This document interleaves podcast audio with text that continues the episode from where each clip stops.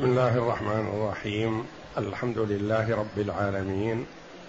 والصلاة والسلام على نبينا محمد وعلى آله وصحبه أجمعين. وبعد. بسم الله. أعوذ بالله من الشيطان الرجيم.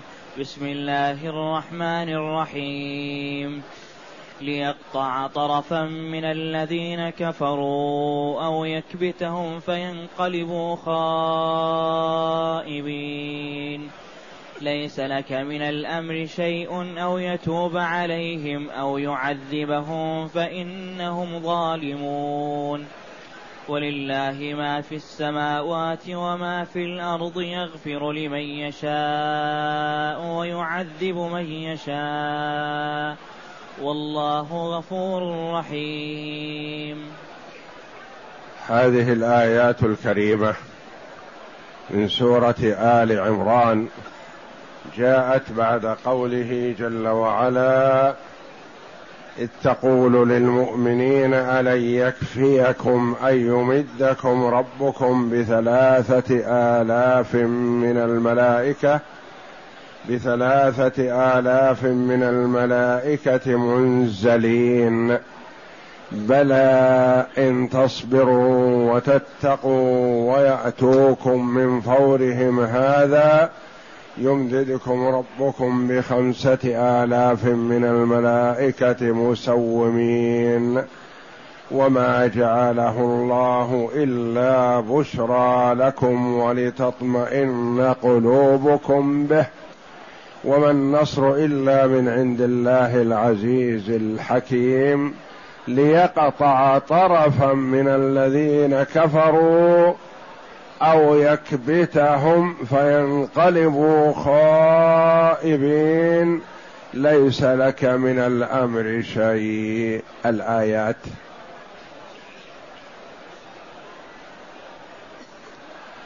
بعدما ذكر جل وعلا الإمداد بالملائكة مع الصبر والتقوى.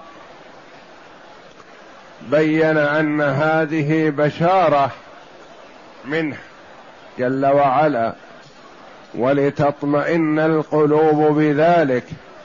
وإلا فالله جل وعلا بكلمة ينصر عباده المؤمنين ويخذل أعداءه.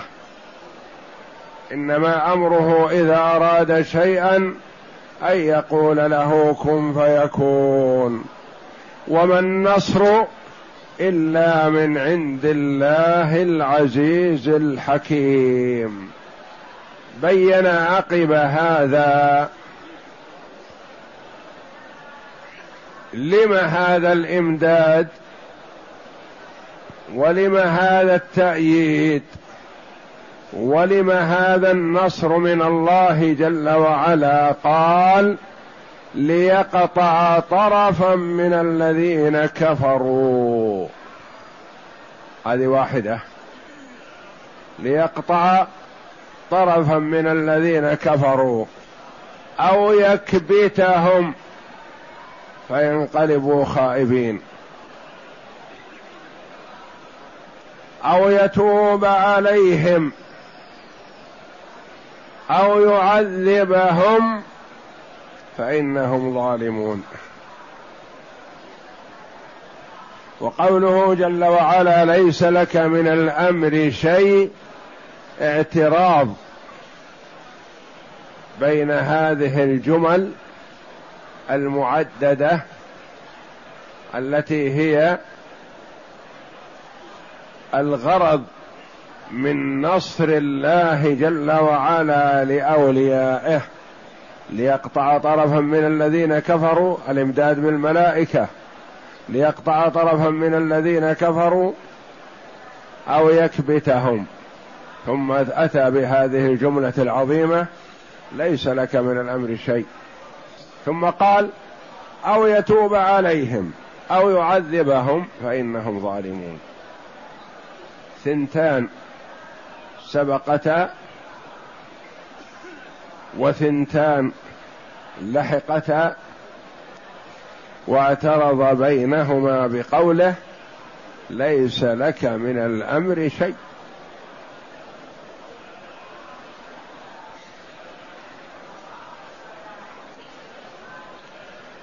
يمددكم ربكم بخمسة آلاف من الملائكة مسومين ليقطع طرفا من الذين كفروا. ليقطع ليهلك.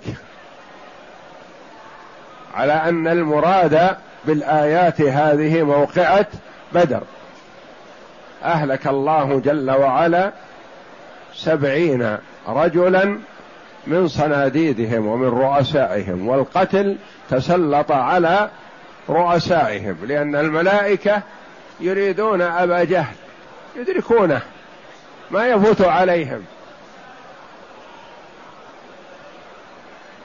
الملائكة يريدون الكافر العنيد فلان ما يفوت عليهم. بخلاف غيرهم من الآدميين قد يريد أبا جهل لكن ما يستطيع الوصول إليه. الإمداد بالملائكة ليقطع طرفا من الذين كفروا ليقطع ليهلك. طرفا طائفة وجماعة وحزب وفئة من الذين كفروا أو يكبتهم يخذلهم. ويردهم. فيرجعوا فينقلبوا خائبين ما تحصلوا على ما أرادوا لأنهم قالوا لن نرجع إلى مكة حتى نرد ماء بدر ونشرب الخمر وتعزف علينا القيان المغنيات. ويتحدث العرب بمقامنا هذا فلا يزالون يهابوننا. فأعطاهم الله جل وعلا خلاف ما أرادوا. خذلهم فقتل من قتل منهم وانقلب من انقلب منهم خائبا.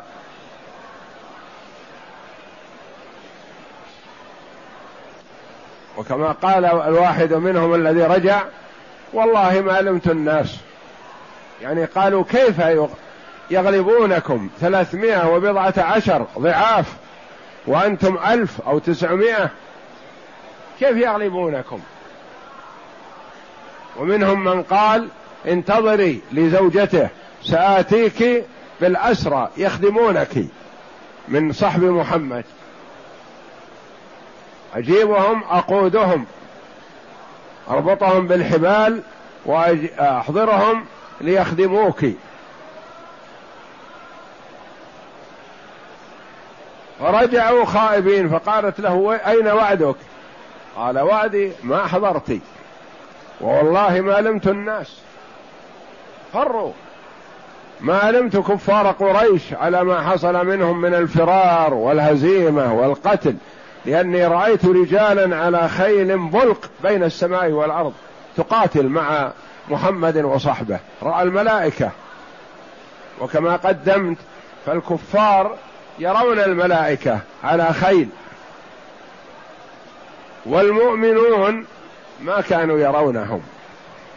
يراهم النبي صلى الله عليه وسلم فقط.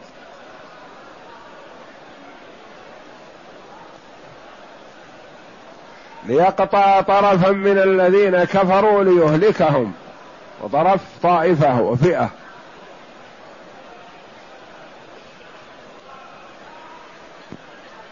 الطرف الطائفة والمعنى نصركم الله ببدر ليقطع ويهلك طائفة من الكفار ويهدم ركنا من أركان الشرك بالقتل والأسر.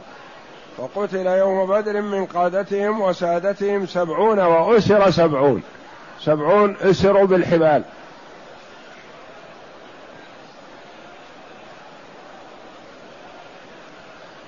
ومن حمل الآية على موقعة أحد كيف يتأتى هذا؟ يقول نعم يتأتى. قتل منهم أربعة عشر أو ستة عشر من كفار قريش. في أول المعركة وكان النصر للمسلمين. لكن لما حصلت مخالفة أمر الرسول صلى الله عليه وسلم تغيرت الحال. وإلا فالأول النصر للمؤمنين. لكن لما عصوا وخالفوا وقعوا فيما وقعوا فيه. قلتم أن هذا قل هو من عند أنفسكم. بسببكم. أنتم الذين خالفتم فوقع ما وقع.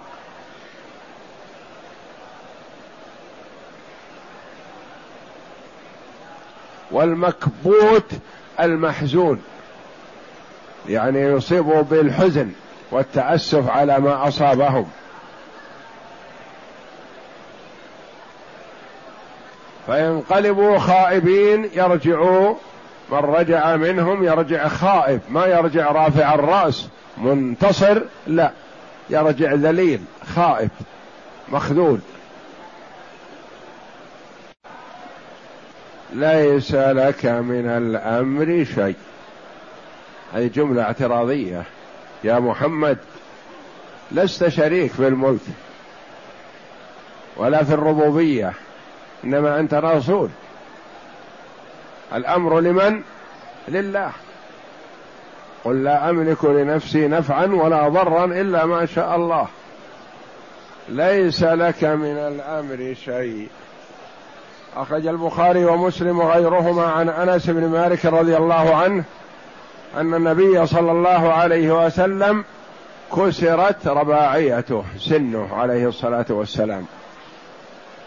يوم أحد وشج في وجهه حتى سال الدم فقال كيف يفلح قوم فعلوا هذا بنبيهم وهو يدعوهم إلى ربهم فأنزل الله تعالى ليس لك من الأمر شيء الأمر لله وحده أي لست تملك إصلاحهم ولا تعذيبهم بل ذلك ملك لله فاصبر. ليس لك من الأمر شيء. أو يتوب عليهم. يدخل في الإسلام ما تدري. هؤلاء الذين يقاتلونك اليوم غدا سيكونون عن يمينك وعن شمالك يقاتلون معك. أو يتوب عليهم. أو يعذبهم. بالقتل والاسر والنهب وما شاء جل وعلا. فإنهم ظالمون بالكفر والشرك. أعظم أنواع الظلم وأظلم الظلم الشرك بالله. يعني أخذ حق مخلوق لمخلوق آخر هذا ظلم. لكن صرف حق الخالق للمخلوق هذا أظلم الظلم. يا بني لا تشرك بالله إن الشرك لظلم عظيم.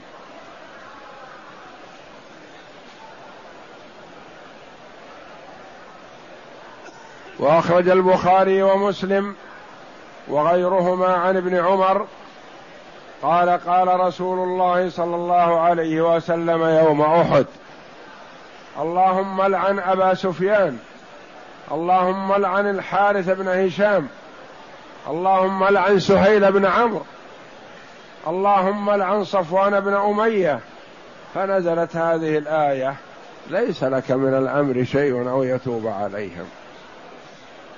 هذا دليل على أن الرسول صلى الله عليه وسلم لا يعلم الغيب إلا ما أطلعه الله عليه. لعن رسول الله صلى الله عليه وسلم أبا سفيان فأسلم ودخل في الإسلام. ويروى أنه أول من قاتل أهل الردة. قبل أن يجهز أبو بكر رضي الله عنه الجيوش لقتال أهل الردة. كان أبو سفيان أميرا على نجران من قبل النبي صلى الله عليه وسلم.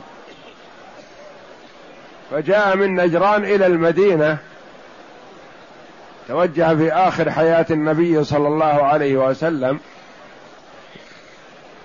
توفي النبي صلى الله عليه وسلم وهو في الطريق.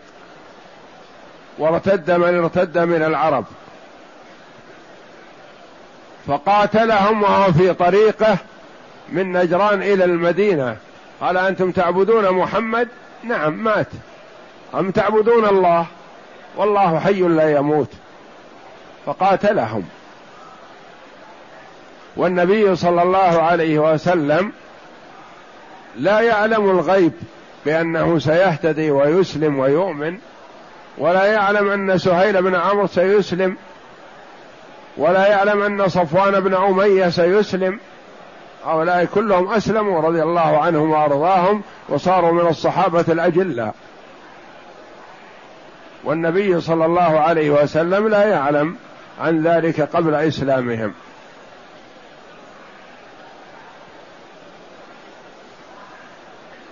ودعا لأبي جهل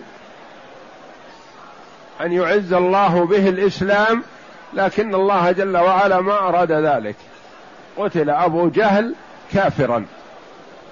ولما قتل علم النبي صلى الله عليه وسلم أنه فرعون هذه الأمة. لكن قبل ذلك يقول اللهم أعز الإسلام بأحب العمرين إليك.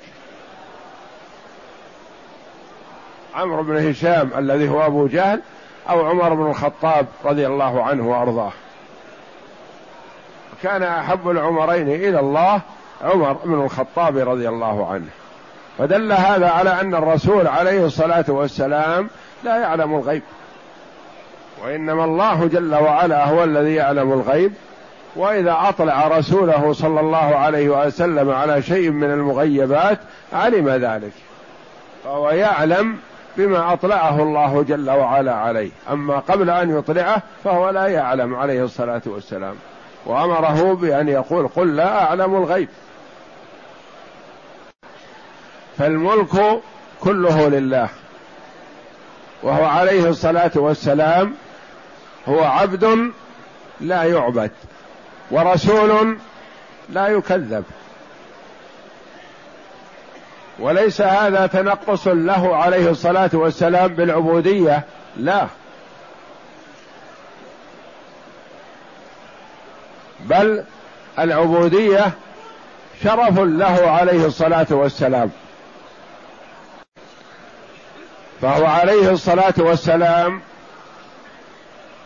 شرفه الله جل وعلا بعبوديته ووصفه بالعبودية في أشرف المواطن حينما قال تعالى سبحان الذي أسرى بعبده ليلا من المسجد الحرام إلى المسجد الأقصى. وقال جل وعلا الحمد لله الذي أنزل على عبده الكتاب ولم يجعل له عوجا. وقال تعالى وأنه لما قام عبد الله يدعوه كادوا يكونون عليه لبدا فالعبودية شرف لمن وصفه الله جل وعلا بها والرسول صلى الله عليه وسلم أفضل الخلق في هذه الصفة.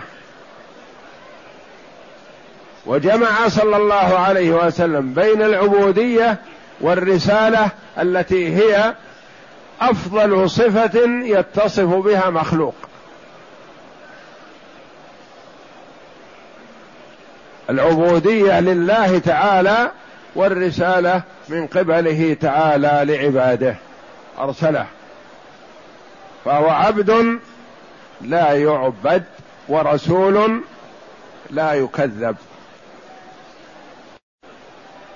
ليس لك من الأمر شيء أو يتوب عليهم. فإذا شاء جل وعلا تاب عليهم. هؤلاء الذين يحاربونك قد يتوب الله جل وعلا عليهم فيكونون يقاتلون معك. أو يتوب عليهم. أو يعذبهم. هو المتصرف وحده. إن شاء كذا وإن شاء كذا. إن شاء جل وعلا تاب عليهم وإن شاء عذبهم. وهم الآن في حالة ظلم. هم ظالمون الآن. فإذا تاب الله عليهم جل وعلا غفر لهم ظلمهم وأبدلهم بالحسنات والخير.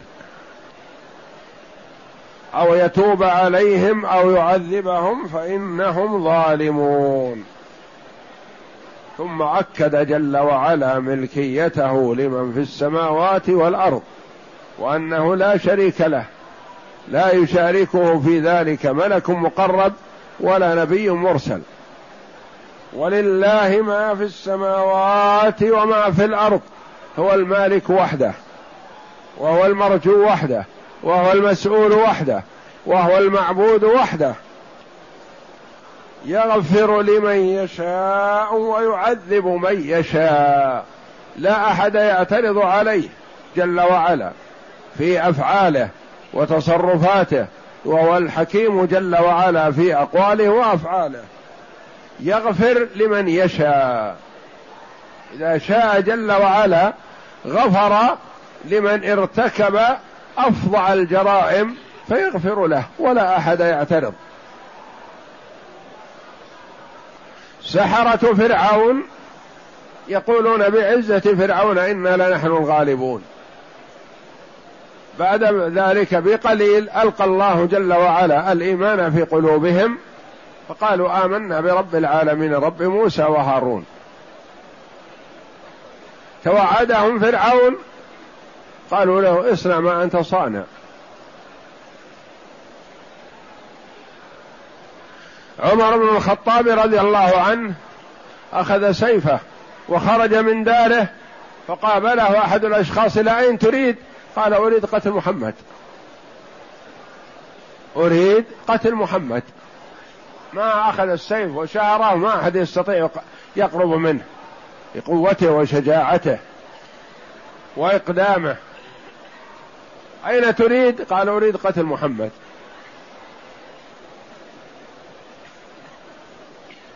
قال دع محمد وابتع بأهلك. أختك وزوجها الآن يقرؤون القرآن وتابعوا محمد. هم تبعوا محمدا صلى الله عليه وسلم مستخفين خوفا من عمر. ما أعلنوا إسلامهم خوفا من سطوة عمر. فقال اترك محمد واذهب إلى دارك. أختك وابن عمك تبعوا محمد. فعدل عن الذهاب إلى الرسول صلى الله عليه وسلم وتوجه إلى أخته وزوجها. وعندهم خباب ابن الأرت رضي الله عنه يقرئهم القرآن. فدخل عليهم عمر مغضبا. كيف صبعوا ودخلوا مع محمد؟ فاختفى خباب رضي الله عنه. ما قبل له بمقابلة عمر. ولكم زوج أخته فابتعد وبقيت الأخت هي وإياه في صراع. فضربها فخرج الدم منها. فرعوى وتأثر. كيف يضرب أخته؟ امرأة لو كان رجل كان يصلح يقابله لكن امرأة يقدم على ضربها حتى يسيل الدم منها ارعوى ولان وتأثر من هذا الموقف. ألقى الله الإيمان في قلبه. فقال ما هذه النملمة التي أتى أسمع. قالت هذا القرآن هذا كلام الله. ليكن ما يكن الآن ظهر الأمر. أرني إياها يقرأ هو. قالت لا أنت مشرك نجس. وهذا كلام الله ما يعطى لمثلك. عمر رضي الله عنه. ناوليني الصحيفة التي تقرؤون فيها أشوفها. قالت لا. أنت مشرك أنت نجس. ما أسلم كلام الله.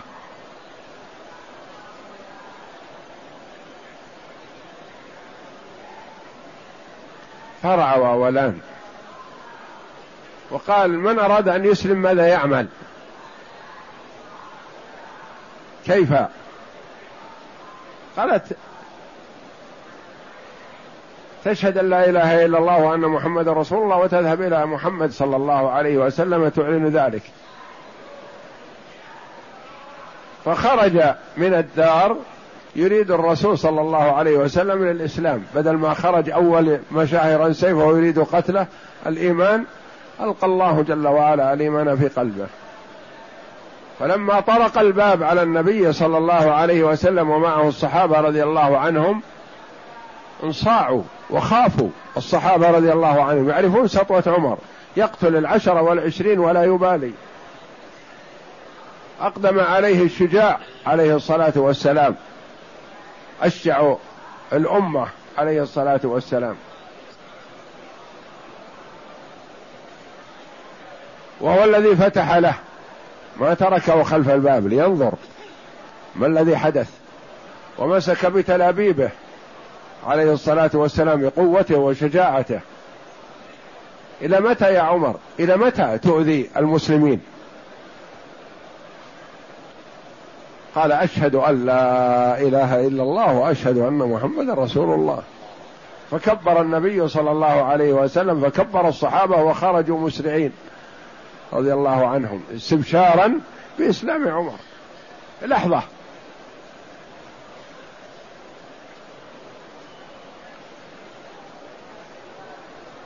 في ساعة أو سويعات قليلة شاهرا سيفة يريد قتل محمد صلى الله عليه وسلم ثم بعد لحظات يشهد أن لا إله إلا الله وأن محمد رسول الله ويقول للرسول عليه الصلاة والسلام لمتى نستخفي؟ ما نستخفي نصلي في دار الأرقم، نصلي في الحرم. نصلي في المسجد الحرام. بإسلام عمر أعز الله به الإسلام وفرق الله به بين الحق والباطل رضي الله عنه وأرضاه. ولله ما في السماوات وما في الأرض يغفر لمن يشاء إذا أراد جل وعلا. والمسلم يسأل ربه المغفرة ولا يستعظم ذنبه مهما عظم. مهما عظم الذنب. لأنه لا أعظم من ذنب الشرك. أعظم الذنوب وأكبرها وافظعها وأشدها قباحة الشرك بالله. يغفره الله جل وعلا. لمن تاب. يغفر لمن يشاء ويعذب من يشاء. قد يغضب الله جل وعلا على عبد من عباده فينتقم منه. ويعذبه العذاب الأليم. وهو غير ظالم له. لأن الله جل وعلا لا يظلم الناس شيئا ولكن الناس أنفسهم يظلمون. وهو جل وعلا يقول يا عبادي إني حرمت الظلم على نفسي وجعلته بينكم محرما فلا تظالموا. ويعذب من يشاء إذا أراد تعذيبه عذبه. وقد يتكلم المرء بالكلمة من سخط الله لا يظن أن تبلغ ما بلغت يكتب الله عليه بها سخطه إلى يوم يلقاه. هذه الكلمة التي تكلم بها. يغفر لمن يشاء ويعذب من يشاء. والله غفور رحيم. ناسب ختم هذه الآية الكريمة بهذين الاسمين العظيمين لله جل وعلا فيهما البشارة والرحمة. والله جل وعلا غفور. إذا أراد المغفرة رحيم جل وعلا بعباده. وهو أرحم من الوالدين بأولادهم. ولهذا وصى الوالدين بأولادهم ووصى الأولاد بآبائهم وأمهاتهم. يوصيكم الله في أولادكم. ووصينا الإنسان بوالديه حسنا. الله وصى الوالدين بالأولاد يوصيكم الله في أولادكم للذكر مثل حظ الأنثيين. ووصى الأولاد بالوالدين وأمرهم بطاعة الوالدين.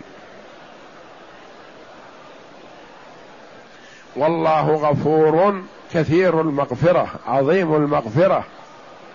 ما يستعظم المسلم ذنبه لو زنى وسرق وشرب الخمر وأشرك بالله وعبد الأوثان سال أصحاب القبور وفعل ما فعل من الجرائم ثم قال أستغفر الله وأتوب إليه من قلب صادق غفر الله له. قل يا عبادي الذين أسرفوا على أنفسهم لا تقنطوا من رحمة الله. أسرفوا على أنفسهم بماذا؟ بالمعاصي والكفر والضلال والفجور. لا تقنطوا من رحمة الله. إن الله يغفر الذنوب جميعا. فهذا ختم للآية عظيم جدا. والله غفور رحيم. أقرأ.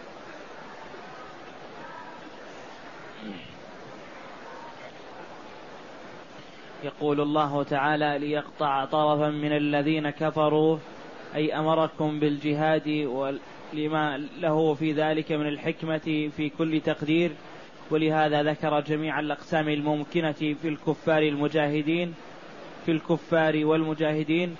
فقال تعالى ليقطع طرفا أي ليهلك أمة من الذين كفروا أو يكبتهم فينقلبوا أي يرجعوا خائبين أي لم يحصلوا على ما أملوا. ثم اعترض بجملة دلت على أن لأنهم جاءوا في كبر وغطرسة وتعاظم ويظنون أنهم كما قال أحدهم أكلة جزور يعني حفنة من الرجال قلة ضعاف في ساعة نقضي عليهم ونعود. هذا الذي تصوروه. فخابوا وخسروا وردهم الله جل وعلا خائبين وقتل من قتل منهم وأسر من أسر بالحبال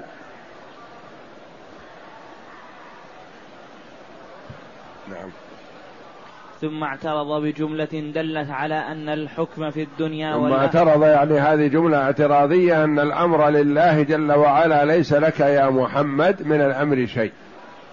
نعم. بجملة دلت على أن الحكم في الدنيا والآخرة له وحده لا شريك له فقال تعالى ليس لك من الأمر شيء أي بل, بل الأمر كله إلي. كما قال تعالى فإنما عليك البلاغ وعلينا الحساب. وقال ليس عليك هداهم ولكن الله يهدي من يشاء. وقال تعالى إنك لا تهدي من أحببت ولكن الله يهدي من يشاء. وقال محمد بن إسحاق في قوله تعالى ليس لك من الأمر شيء أي ليس لك من الحكم شيء في عبادي إلا ما أمرتك به فيهم. ثم ذكر بقية الأقسام فقال تعالى أو يتوب عليهم. أي مما هم فيه من الكفر فيهديهم بعد الضلالة أو يعذبهم أي في الدنيا والآخرة وفي الدنيا والآخرة على كفرهم وذنوبهم. ولهذا قال تعالى فإنهم ظالمون. أي يستحقون ذلك؟ قال البخاري عن ابن عمر رضي الله عنهما قال كان رسول الله صلى الله عليه وسلم يدعو على رجال من المشركين يسميهم بأسمائهم حتى أنزل الله تعالى ليس لك من الأمر شيء.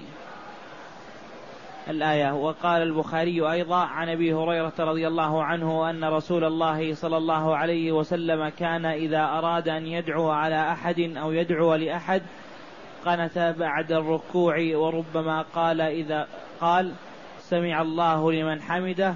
ربنا ولك الحمد. اللهم أنجي الوليد ابن الوليد وسلمة بن هشام وعياش بن أبي ربيعة والمستضعفين من هؤلاء مسلمون مستضعفون في مكة. كان يدعو لهم عليه الصلاة والسلام ويدعو على أناس من المشركين. يدعو للمستضعفين من المسلمين ويدعو على المشركين المتكبرين المتعاظمين بشركهم وكفرهم. نعم. اللهم اشدد وطأتك على مضر واجعلها عليهم سنينا كسنين يوسف. يجهر بذلك وكان يقول في بعض صلاته في صلاة الفجر اللهم العن فلانا وفلانا لأحياء من أحياء العرب حتى أنزل الله تعالى ليس لك من الأمر شيء الآية. وقال الإمام أحمد رحمه الله عن أنس رضي الله عنه أن النبي صلى الله عليه وسلم كسرت رباعيته يوم أحد وشج في وجهه حتى سال الدم على وجهه فقال كيف يفلح قوم فعلوا هذا بنبيهم وهو يدعو يدعوهم إلى ربهم عز وجل. فأنزل الله تعالى ليس لك من الأمر شيء أو يتوب عليهم أو يعذبهم فإنهم ظالمون. وقال ابن جرير رحمه الله عن قتادة قال أصيب النبي صلى الله عليه وسلم يوم أحد وكسرت رباعيته وفرق, وفرق حاجبه فوقع وعليه درعان والدم يسيل فمر به سالم مولى أبي حذيفة فأجلسه ومسح عن وجهه فأفاق وهو يقول كيف بقوم فعلوا هذا بنبيهم وهو يدعوهم إلى الله عز وجل فأنزل الله تعالى ليس لك من الأمر شيء الآية. ثم قال تعالى ولله ما في السماوات وما في الأرض أي الجميع, ملك له وأهل وأهلهما عبيد بين يديه. يغفر لمن يشاء ويعذب من يشاء. أي هو المتصرف فلا معقب لحكمه ولا يسأل عما يفعل يفعل وهم يسألون. والله غفور رحيم. والله أعلم وصلى الله وسلم وبارك على عبد ورسول نبينا محمد وعلى آله وصحبه أجمعين.